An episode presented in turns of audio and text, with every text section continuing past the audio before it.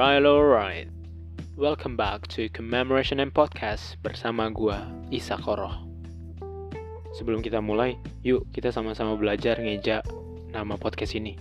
Ko, ko, me, me, mo, mo, ra, ra, sho, sho, nem, nem.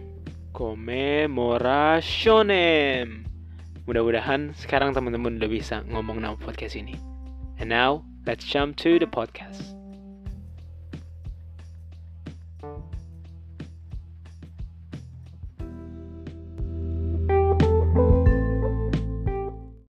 Oke teman-teman, ini um, pembukaan yang ketiga setelah tiga kali ulang. Kembali lagi di Commemoration Podcast bersama gue Isakoro. Dan ya, yeah, welcome to season 2. Senang banget bisa kembali um, berbicara dan juga sharing-sharing sama teman-teman semua via virtual, via audio di podcast ini.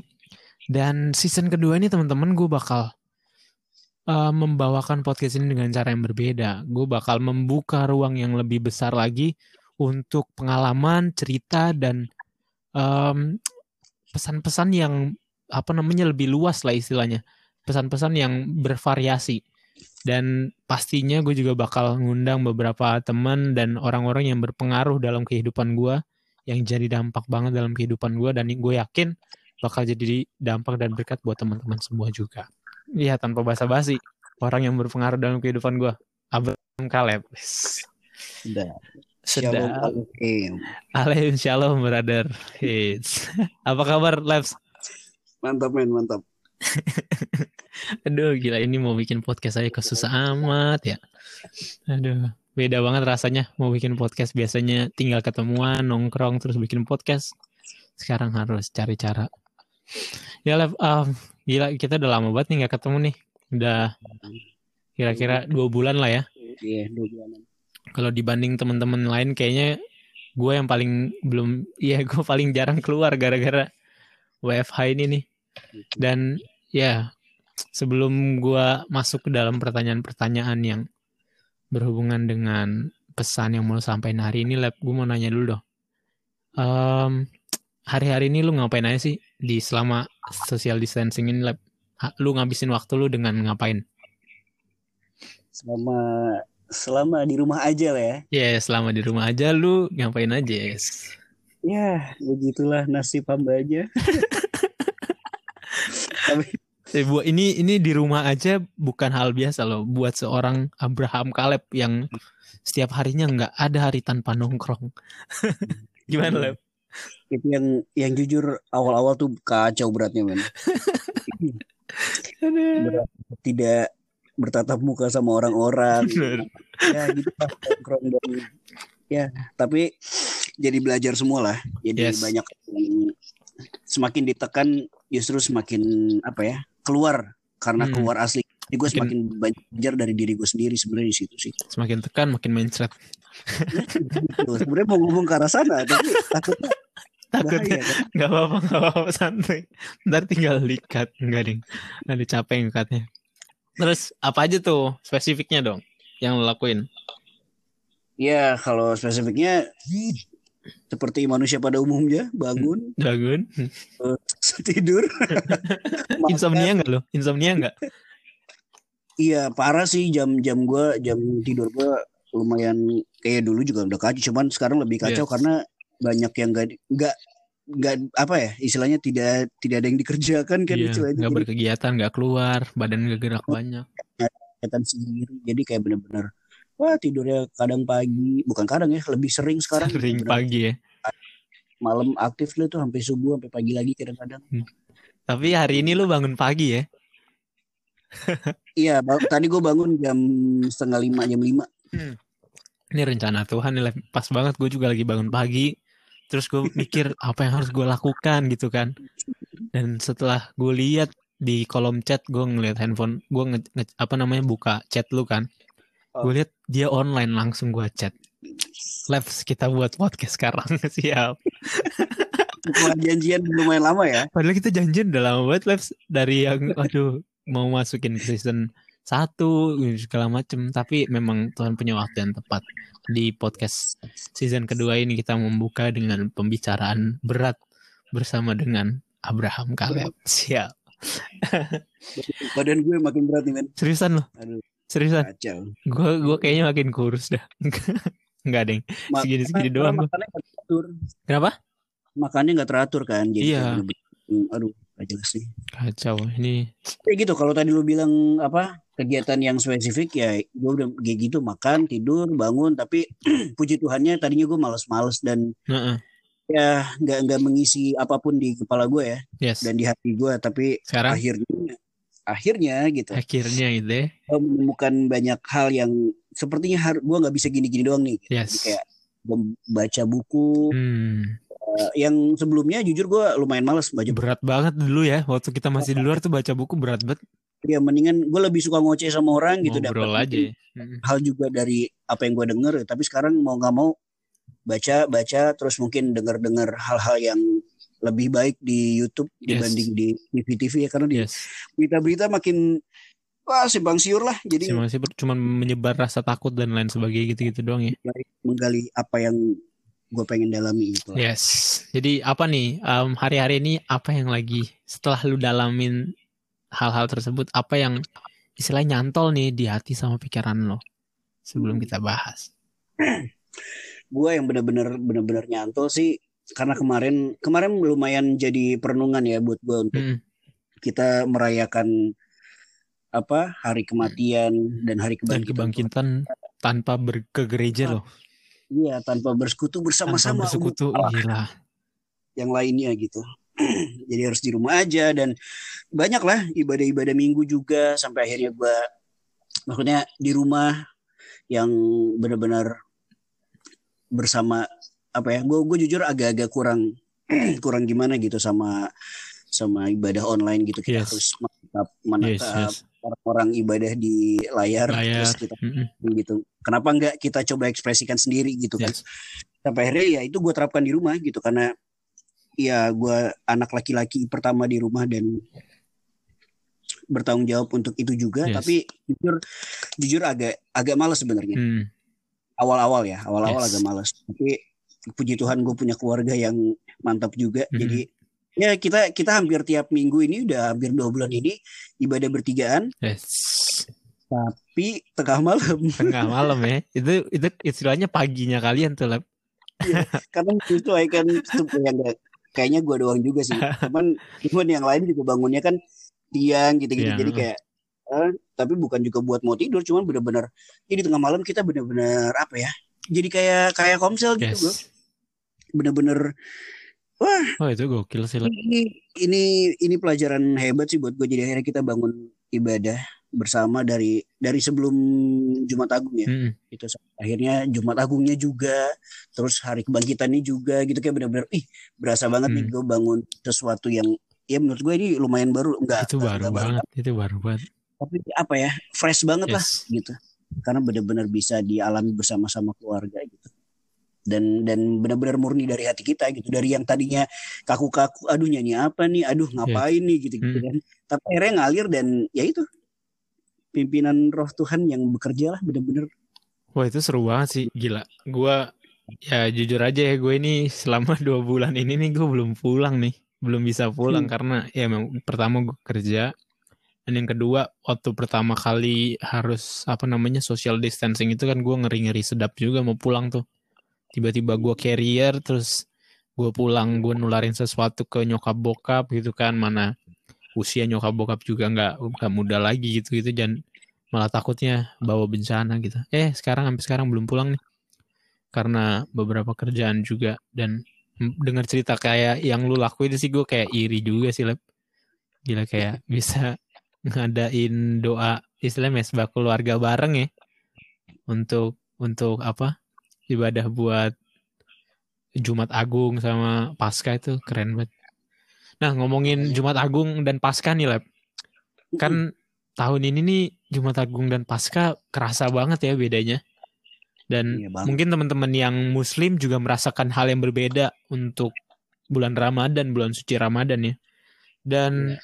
Nggak ada yang sahur on the road nggak ada sahur on the road. Iya nggak ada buka bersama. Nah kita juga waktu itu nggak ada cari telur lab nggak ada cari telur terus uh, apa namanya nggak ke gereja terus dengan baju baru di di di gereja datang bareng keluarga gitu-gitu kan. Dan satu hal yang gue sih ya gue dari dari gue tuh suasana rasa gue kan pasca tuh ngomongin kemenangan ya. Karena hmm. Yesus menang dan dia karena dia bangkit dia mengalahkan maut gitu hmm. tahun ini tuh rasanya beda banget justru yang kayak gue ngerasain yang mencek yang kerasa banget gue justru Jumat Agung ya karena saat Jumat Agung Yesus mati di situ juga kita ada di dalam keadaan yang istilahnya tuh di tengah kegelapan lah udah ya mendekati maut banyak orang juga yang harus dipanggil Tuhan karena COVID-19 ini dan lain sebagainya. Nah, terkait dua hal ini kebangkit kematian dan kebangkitan Tuhan. Ada gak sih yang lu mau bagiin tentang apa nih yang lu temukan di situasi pandemik seperti ini yang kemudian memunculkan pemikiran baru terkait kebangkitan Tuhan, terkait kematian Tuhan dan lain sebagainya. Iya mungkin kalau baru sih nggak nggak terlalu yes, banget, nah. tapi meneguh, meneguhkan banyak hal lah yes. yang mungkin selama ini gue gumuli dan ya gue yakin banyak orang juga yang gumuli ini gitu. Karena bener banget kata lu tadi kayak berasa banget kan vibe-nya beda, beda banget nih Jumat Agung dan pasca kita kali ini gitu. Dan apa ya justru menurut gue yang benar-benar benar-benar akhirnya Tuhan mau nyatakan di sini ya pada akhirnya kemenangan ini mesti kita refleksikan gitu loh. Mesti kematian dan kemenangannya mesti kita sebagai keluarga sebagai individu masing-masing mesti merefleksikan ini semua secara pribadi. Yes pribadi lepas pribadi bersama Tuhan. Jadi kayak selama ini kan mungkin kita merayakan hura-hura di gereja mungkin nyanyi sukacita dan segala macam ya saat ini juga bisa. Tapi yang yang benar-benar Tuhan inginkan adalah gimana kita bisa ber, istilahnya bercermin sama sama peristiwa inilah gitu. Karena mungkin selama ini kita nggak mungkin ya hmm, mungkin, mungkin banyak orang yang nggak banyak waktu untuk bercermin dari kematian dan kebangkitan Tuhan ini tapi sekarang secara tidak langsung menurut gue ini paksaan untuk ayo lihat gitu ayo bercermin sama kematian dan kebangkitan hmm. Tuhan yang benar-benar sebenarnya ini buat kita pribadi gitu buat diri Kaleb secara pribadi yes. buat Ishak hmm. secara pribadi gitu itu sih yang benar-benar lagi benar-benar gue apa ya lagi gue dapatkan gitu untuk untuk hal ini ya hmm. untuk hal kematian dan kebangkitan Tuhan karena ini ini ngebuat gue akhirnya sedikit demi sedikit dewasa sih sebenarnya dewasa yeah. secara ini ya secara pertumbuhan iman gue rohani secara, ya, secara rohani spiritual gitu ya. spiritual gue secara pribadi jadi banyak hal yang buat gue akhirnya bisa memaklumi banyak hal bisa juga mengerti banyak hal yang baru karena karena justru dari ngelihat kematian dan kebangkitan Tuhan ini yang dipertanyakan yang gue pertanyakan adalah apa setelah itu karena kan yes. kan ini perayaan setiap perayaan setiap minggu eh setiap tahun yes. kan gitu jadi apakah ini benar-benar eh, apakah ini cuma jadi perayaan gue setiap tahunnya atau ini benar-benar jadi refleksi gue setiap, setiap hari, hari gitu. yes. makanya yang yang lagi gue renungkan adalah what next hmm. gitu setelah bangkitan yang kita sama-sama rayakan kemenangan Tuhan gitu atas maut terus apa yes. nih ke depannya hmm. yang bakal gua sebagai seorang pengikut Kristus harus lakukan gitu atau harus jalani. Ih, gitu. itu itu itu seru sih yang lu bilang tadi tuh yang pernyataan what's next atau apa setelah itu. Itu tuh yang mm-hmm. salah satu dosen gue juga um, Josadi Prasetya kalau nggak salah beberapa dua dua minggu atau tiga minggu yang lalu juga sempet bahas tentang pasca pasca oh. tentang pasca pasca. Kalau kita kan sering kali hanya memperhatikan peristiwa kematian dan kebangkitan Yesus di masa prapaskah tuh misalnya 40 hari sebelumnya terus sampai setelahnya juga. Tapi sering kali setelah pasca, setelah Yesus bangkit, hilang tuh suasananya. Kebanyakan orang hmm. cuman um, menekankan 40 hari sebelum pasca sampai di pasca. Jadi kayak orang berpuasa, makanya ada um, semuanya tuh ritual um, Minggu Palma, terus um, Kamis Putih dan lain sebagainya, Holy Saturday dan lain sebagainya. Tapi tiba-tiba setelah Paskah hilang tuh semuanya makanya kayak yang lu bilang juga seru banget tuh karena pada akhirnya peristiwa pasca ini harusnya jadi sesuatu yang sehari-hari jadi sesuatu yang terus-menerus direnungkan bahkan semangat eh, semangat dan kemenangan yang Tuhan juga mempengaruhi kehidupan kita sehari-hari 365 hari bukan cuman 40 40 hari di masa prapaskah. Nah, iya. dan terkait itu lab, gue kan gue jadi inget nih entah kenapa um, kayak muncul di pikiran gue. Kan hari-hari ini waktu pasca itu kan kita istilahnya bukan cuman kalau misalnya orang karismatik kan perjamuan kudus sebulan sekali ya terus-terusan ya. Tapi hmm. banyak orang dengan di gereja mainstream, orang-orang gereja Protestan dan berbagai aliran lainnya yang hanya merayakan um, perjamuan kudus di hari-hari tertentu. Dan pasca dan hmm. masa di masa prapaskah itu ada ya di situ harusnya mereka merayakan perjamuan kudus bersama-sama di di di pasca itu sendiri. Harusnya mereka merayakan nah yang namanya ritual memecah roti. Tapi kebanyakan mereka pada akhirnya tidak bisa memecah roti bersama karena pandemi ini. Karena mereka nggak bisa perjamuan lah karena pandemi ini.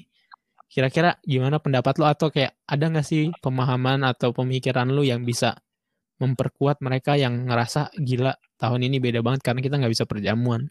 Kita nggak bisa perjamuan bersekutu dan memecah roti bersama-sama di gereja dan lain sebagainya. Iya iya. Dan emang apa ya peristiwa untuk kita bisa sama-sama memperingati itu semua dengan memecahkan roti dan minum darah, minum anggur Yesus yes. gitu kan. Itu emang emang, emang peristiwa yang ditunggu, ditunggu banget, gitu hmm. untuk untuk momen ini gitu kan. Cuman ya balik lagi karena ya hal hal ini kan nggak hal ini nggak apa ya hal ini nggak nggak terduga yes. hmm. dari pikiran manusia gitu loh nggak nggak bisa dibatasi dengan kepala kita masing-masing dan ini mesti mesti mesti kita lari lihat dari apa yang Yesus mau sampaikan kan lewat itu yes nah uh, yang gue lihat adalah sebenarnya gimana kita lebih memaknai ini semua hmm. gitu. gimana kita akhirnya di waktu uh, di momen yang mendesak bukan lagi ritualnya gitu, bukan lagi apa ya istilahnya kegiatannya, kegiatannya gitu, bukan uh, bukan lagi acaranya, kegiatannya yang yang jadi fokusnya gitu. Itu itu mungkin pelengkap hmm. gitu, tapi pemaknaan dari yang Yesus mau sampaikan yes. tuh apa gitu. Ketika ketika kita harus uh, memecahkan roti, ketika kita harus minum anggur untuk memperingati itu semua, untuk merayakan itu semua. Nah, sekarang sebagai yang dipertanyakan adalah kita sebagai individu, sebagai pribadi yang pengikut hmm. Kristus, pribadi yang mengaku sudah percaya Kristus sebagai anak Tuhan dan dan sebagainya yes. lah gitu. Itu itu benar-benar bisa ini enggak bisa bisa bermakna nggak dalam yes. kehidupan kita sehari-hari bisa bisa terrefleksikan nggak dalam kegiatan kita di hidup kita apalagi saat ini sebagai orang yang di rumah aja rumah yang aja, ya. yang harus mau mau di rumah aja gitu. Nah itu semua bisa kita kontrol hmm. nggak hmm. gitu loh.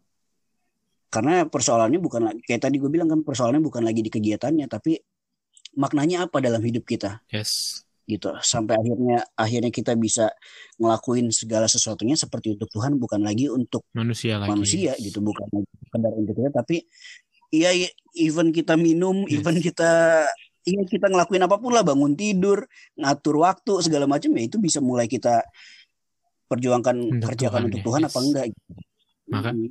itu mungkin yang yang bisa yang perlu yes. kita lihat yang perlu jadi kekuatan kita adalah yang Tuhan mau adalah pemaknaannya yes. dalam kehidupan kita kita benar-benar kalau kalau kita disebut sebagai anak Allah kita disebut sebagai ahli waris ya kan nah kita kita harus ngelihat itu bukan sebagai bukan sekedar sebagai kegiatan, kegiatan gitu. ritual dan lain sebagainya. Karena memang iya kegiatan ritual itu hmm. perlu itu penting untuk untuk kita bisa bisa lebih lagi uh, apa ya istilahnya yes. mendalami gitu apa yang sudah Yesus kerjakan di dunia ini gitu. Cuman sekalipun itu nggak ada bukan yes. berarti itu mati gitu.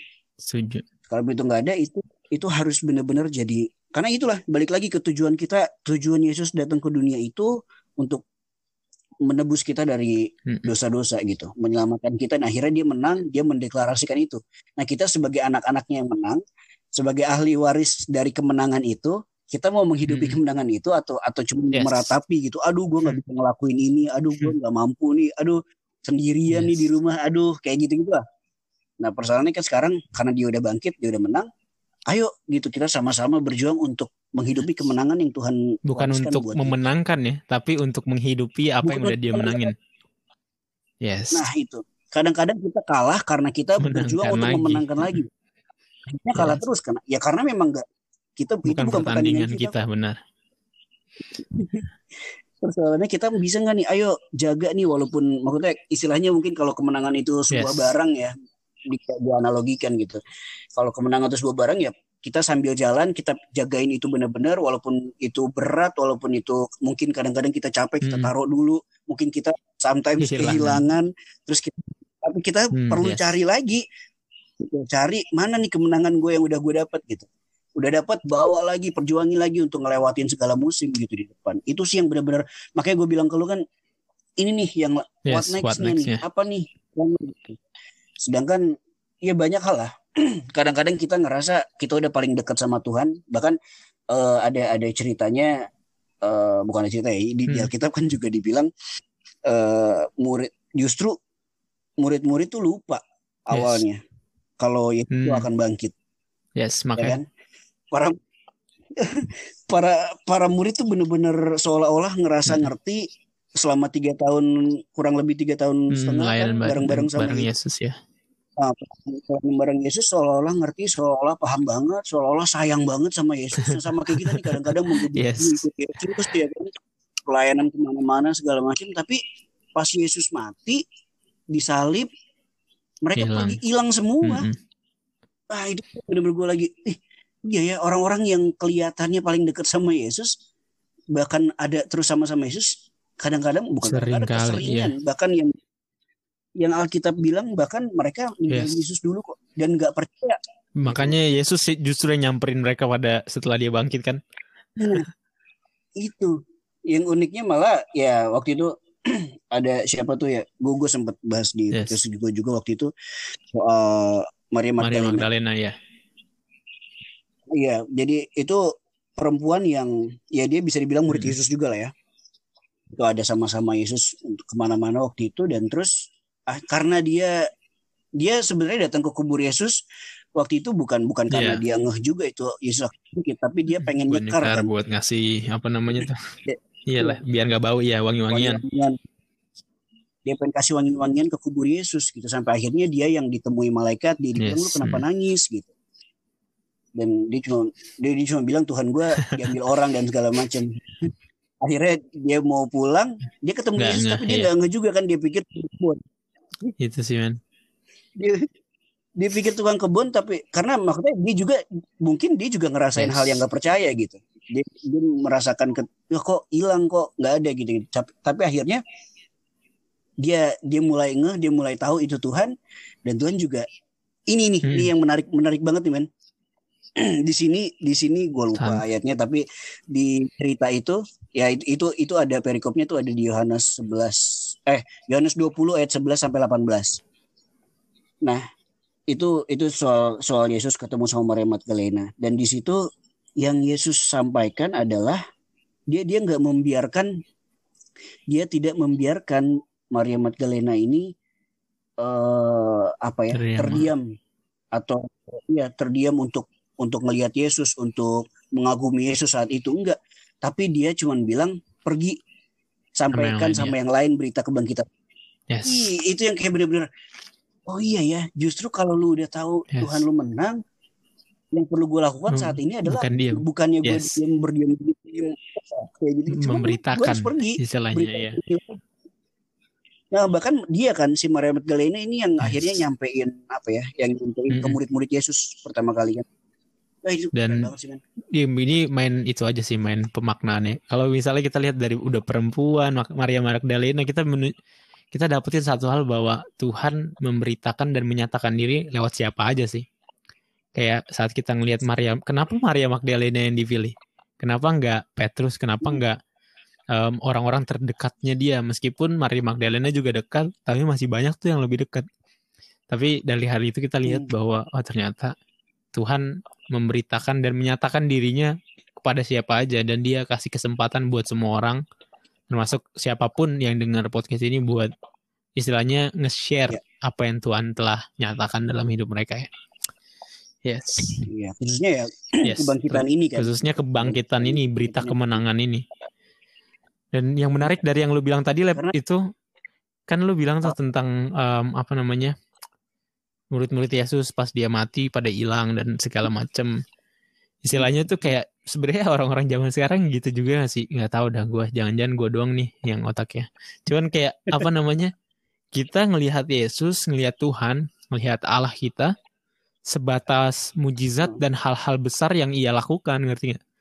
dan dan tiba-tiba saat nggak ada lagi mujizat yang terjadi nggak ada lagi hal besar yang terjadi kita pergi seolah-olah Tuhan udah nggak ada lagi kayak apa yang murid-murid Yesus lakukan lah istilahnya. Tiga setengah tahun mereka ngeliat tuh. Kalau kan tadi acuan lu Yohanes ya? Nah di Yohanes itu kan yeah. dibilang tuh di um, Yohanes Yohanes berapa ya? Yang 20 ya 30 kalau nggak salah. Dibilang bahwa tujuan dari penulisan kitab atau Injil ini adalah untuk nunjukin bahwa Yesuslah Mesias. Melalui tanda-tanda yang ada kita mau nunjukin bahwa Yesus Mesias.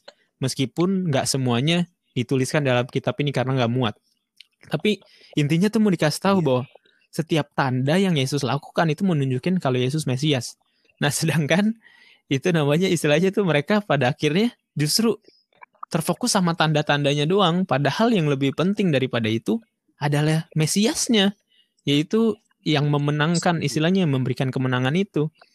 Makanya tiba-tiba apa ya kayak kita lah um, melihat mujizat, oh ngerasa Tuhan hadir dan lain sebagainya, tiba-tiba mujizatnya hilang, um, tuh kita Tuhan yang kita tinggalin, padahal Tuhannya tetap ada. Makanya dari apa yang lu bilang sih, yeah. itu powerful banget sih man, kayak kemenangan atau mujizat yang paling lu, luar biasa tuh bukan kesembuhan dan kemenangan finansial aja, tapi justru kemenangan yang Tuhan kasih yaitu bahwa dia udah naklukin kita, eh naklukin dosa-dosa buat kita semua. Ya sih, Man? Yes. Iya banget. Makanya kayak apa ya? Uh, ya mungkin banyak banyak yang iya. akhirnya gagal fokus kan. Wajar sih, gue juga sering gitu. Iya. bisa bisa dibilang orang-orang yang uh, apa ya istilahnya sudah mengklaim dirinya sebagai hmm, Tuhan. Yes. Akhirnya akhirnya fokusnya adalah apa yang yes. apa yang Tuhan kerjakan gitu. Padahal padahal baik lagi yang yang jadi fokus dari berita kabar baik Yesusnya ini adalah itu sendiri, ya. Yesusnya ya? itu sendiri. Yes. Iya, jadi kayak mereka mereka ngelihat segala mujizat, mereka ngelihat segala kebaikan yang dilakukan sama Yesus, tapi mereka lupa bahwa apa yes. yang Yesus katakan itu loh. Dia bakal bangkit, dia bakal, ya. bangkit, dia bakal eh, gitu lah. itu, itu yang akhirnya anak-anak Tuhan nih ahli, yang katanya ahli-ahli waris kita semua ya. Akhirnya kalau gue mungkin tidak merenungkan ini kayak gue juga akhirnya hmm, ya yes. ya gimana hmm. nih Tuhan maksudnya gini-gini aja akhirnya gitu dalam kehidupan gue juga kayaknya gini-gini aja segala macam padahal ikut Tuhan nah itu yang akhirnya tiap orang ya sebenarnya gue gue nggak bilang itu yeah, yeah. murid yang gagal ya tapi yes. murid yang lagi Ayo, salah fokus, fokus gitu yang hmm. harusnya melihatnya Yesusnya padahal nah yes. ini dia nih satu lagi nih men yang soal kebangkitan ini ini ini kan aduh gue lupa lagi uh, si Paulus juga mm -hmm. kalau nggak salah di Korintus ya dia sempat ngomongin soal uh, oh, iya. soal Adam jadi dia dia ceritanya menyetarakan lah si Adam Adam Yesus yang ya. pertama sama Yesus ini dia anggap uh, sebagai Adam yang kedua Adam yang membawa kehidupan yang baru kan gitu nah di sini tuh di sini mau nunjukin bahwa setiap orang yang mau hmm. percaya sama Yesus, yang mau yang bilang dirinya adalah anak Tuhan, ahli waris, seharusnya dengan berita kebangkitan ini dia juga yes. Oh, jadi oh, ciptaan yang baru. Benar-benar. Nah, kita, kita jadi kita punya hidup baru lah kalau istilah yes. Kristennya tuh lahir baru kan. lahir baru nih enggak ya itu lah panjang bukan dari rahim lagi kan. ya, cuman kita hidup dengan pemikiran atau apa ya uh, lifestyle ya lifestyle hidup. lah gaya hidup yang harus yang harus diperjuangkan yang baru yes. gitu yang bukan yang lama lagi kenapa gue pakai kata di senang banget gue pakai kata di perjuangan karena memang uh, diperjuangkan it, apa ya yes. kebiasaan lama yes. itu nggak gampang untuk dilepaskan persoalannya adalah ketika gue memutuskan untuk percaya gue harus pakai sesuatu yang baru yes. yang mungkin nggak pernah gue pakai dan itu perlu perlu adaptasi makanya gue bilang perjuangkan hmm. perlu adaptasi perlu bahkan ada bakalan ada proses ya. jatuhnya lagi gagal lagi terus harus bangun lagi dan lain segala sebagainya soalnya di situ kita mau siap nggak jadi ciptaan yang baru jadi banyak orang Kristen sekarang cuman anggap ini perayaan-perayaan tapi nggak tidak yes. merefleksikan pada dirinya bahwa dia ini adalah seseorang yang sudah dimenangkan dibangkitkan dan yes. harus jadi ciptaan yang baru di dalam Kristus pastinya kan gitu. Nah, Lab, nih buat penutup nih sebelum kita akhirin percakapan kita. Um, apa namanya? Kira kira-kira kalau gue gue mau minta satu kata yang perlu diperhatikan oleh anak-anak muda zaman sekarang. Karena lu nih kan istilahnya nih pemimpin anak-anak muda ya. Youth leaders asik. Walaupun nggak bukan youth, youth bukan youth gereja ya tapi youth ya community gitu kira-kira satu kata apa nih yang perlu kita ke istilahnya kita pegang di hari-hari ini hari-hari yang masa-masa yang sulit ini? Istilahnya sesuatu yang bisa hmm. membangkitkan orang-orang yang lagi mati suri nih sekarang ini gara-gara kalah sama um, situasi yang ada di sekeliling mereka. Ya satu kata ntar dijelasin kata, ya? sih. Kalau kalau kasih satu kata dong buat apa? Satu kata dulu satu kata yang paling menggambarkan nah. semuanya menurut gue adalah berjuang ya. Berjuang. Kenapa tuh? Kenapa tuh? Walaupun tadi udah jelasin tapi sekarang kasih penekanan lagi. Kali aja ada yang baru datang nih di menit terakhir-terakhir ini. Iya, iya. Karena oh iya, iya. ini kan Kali aja live, mereka cuma datang ah lihat terakhirnya aja, dengar kesimpulannya aja gitu. Iya berjuang karena karena kalau kalau ngomongin berjuang berarti kita nggak kenal yes. garis akhir. Yang maksudnya bukan bukan nggak kenal garis akhir. Yes. yang kita tahu cuman garis akhir. Tepatnya gitu. Namanya berjuang adalah kita kita udah tahu nih dari awal tujuan kita apa. Yang pasti anak-anak Tuhan ya. Udah pasti tujuannya perjumpaan yes. dengan Kristus gitu. Adalah hal yang benar-benar bikin kita semangat itu adalah kita dimampukan yes. untuk berjuang bersama-sama dengan dia. Jadi kayak kadang kita lupa kadang kadang kita nggak nggak mau berjuang lagi karena kita ngerasa kita yes. perangnya sendirian. Karena kita ngerasa kita jalannya sendirian nih. Makanya akhirnya kita nggak nggak berjuang lagi gitu. Dan itu yang menurut gue mungkin kehilangan dari anak-anak muda perjuangan sekarang adalah itu. perjuangan. Karena kebanyak ya gue nggak bilang kebanyakan. Karena memang segala sesuatu di um, era ini solo kayak instan semua ya. Semuanya bisa dicapai dengan cepat karena semuanya dipermudah dengan adanya teknologi dan segala macam. Makanya um, apa namanya mode berjuangnya menjadi kurang. Oke, okay, thank you banget man buat sharing-sharingnya. Tapi sebelum kita close, apa namanya um, podcast lo? Saya ya, saya. Boleh saling mengingatkan ya, saling ya, baik ya. Abraham Kaleb ya. Teman-teman boleh cek juga karena um, banyak banget um, perenungan-perenungan Kaleb yang menurut gue bakal memberkati teman-teman semua yang mendengarkan podcastnya dia. Thank you banget Lab. Semoga lu baik-baik aja, stay safe, Siap. stay home juga, jangan ke mana-mana lu. Tiba-tiba ada di mana aja lu ntar. Thank you teman-teman juga, baik-baik ya. Sampai ketemu di podcast-podcast selanjutnya. See you guys dan God bless. Okay.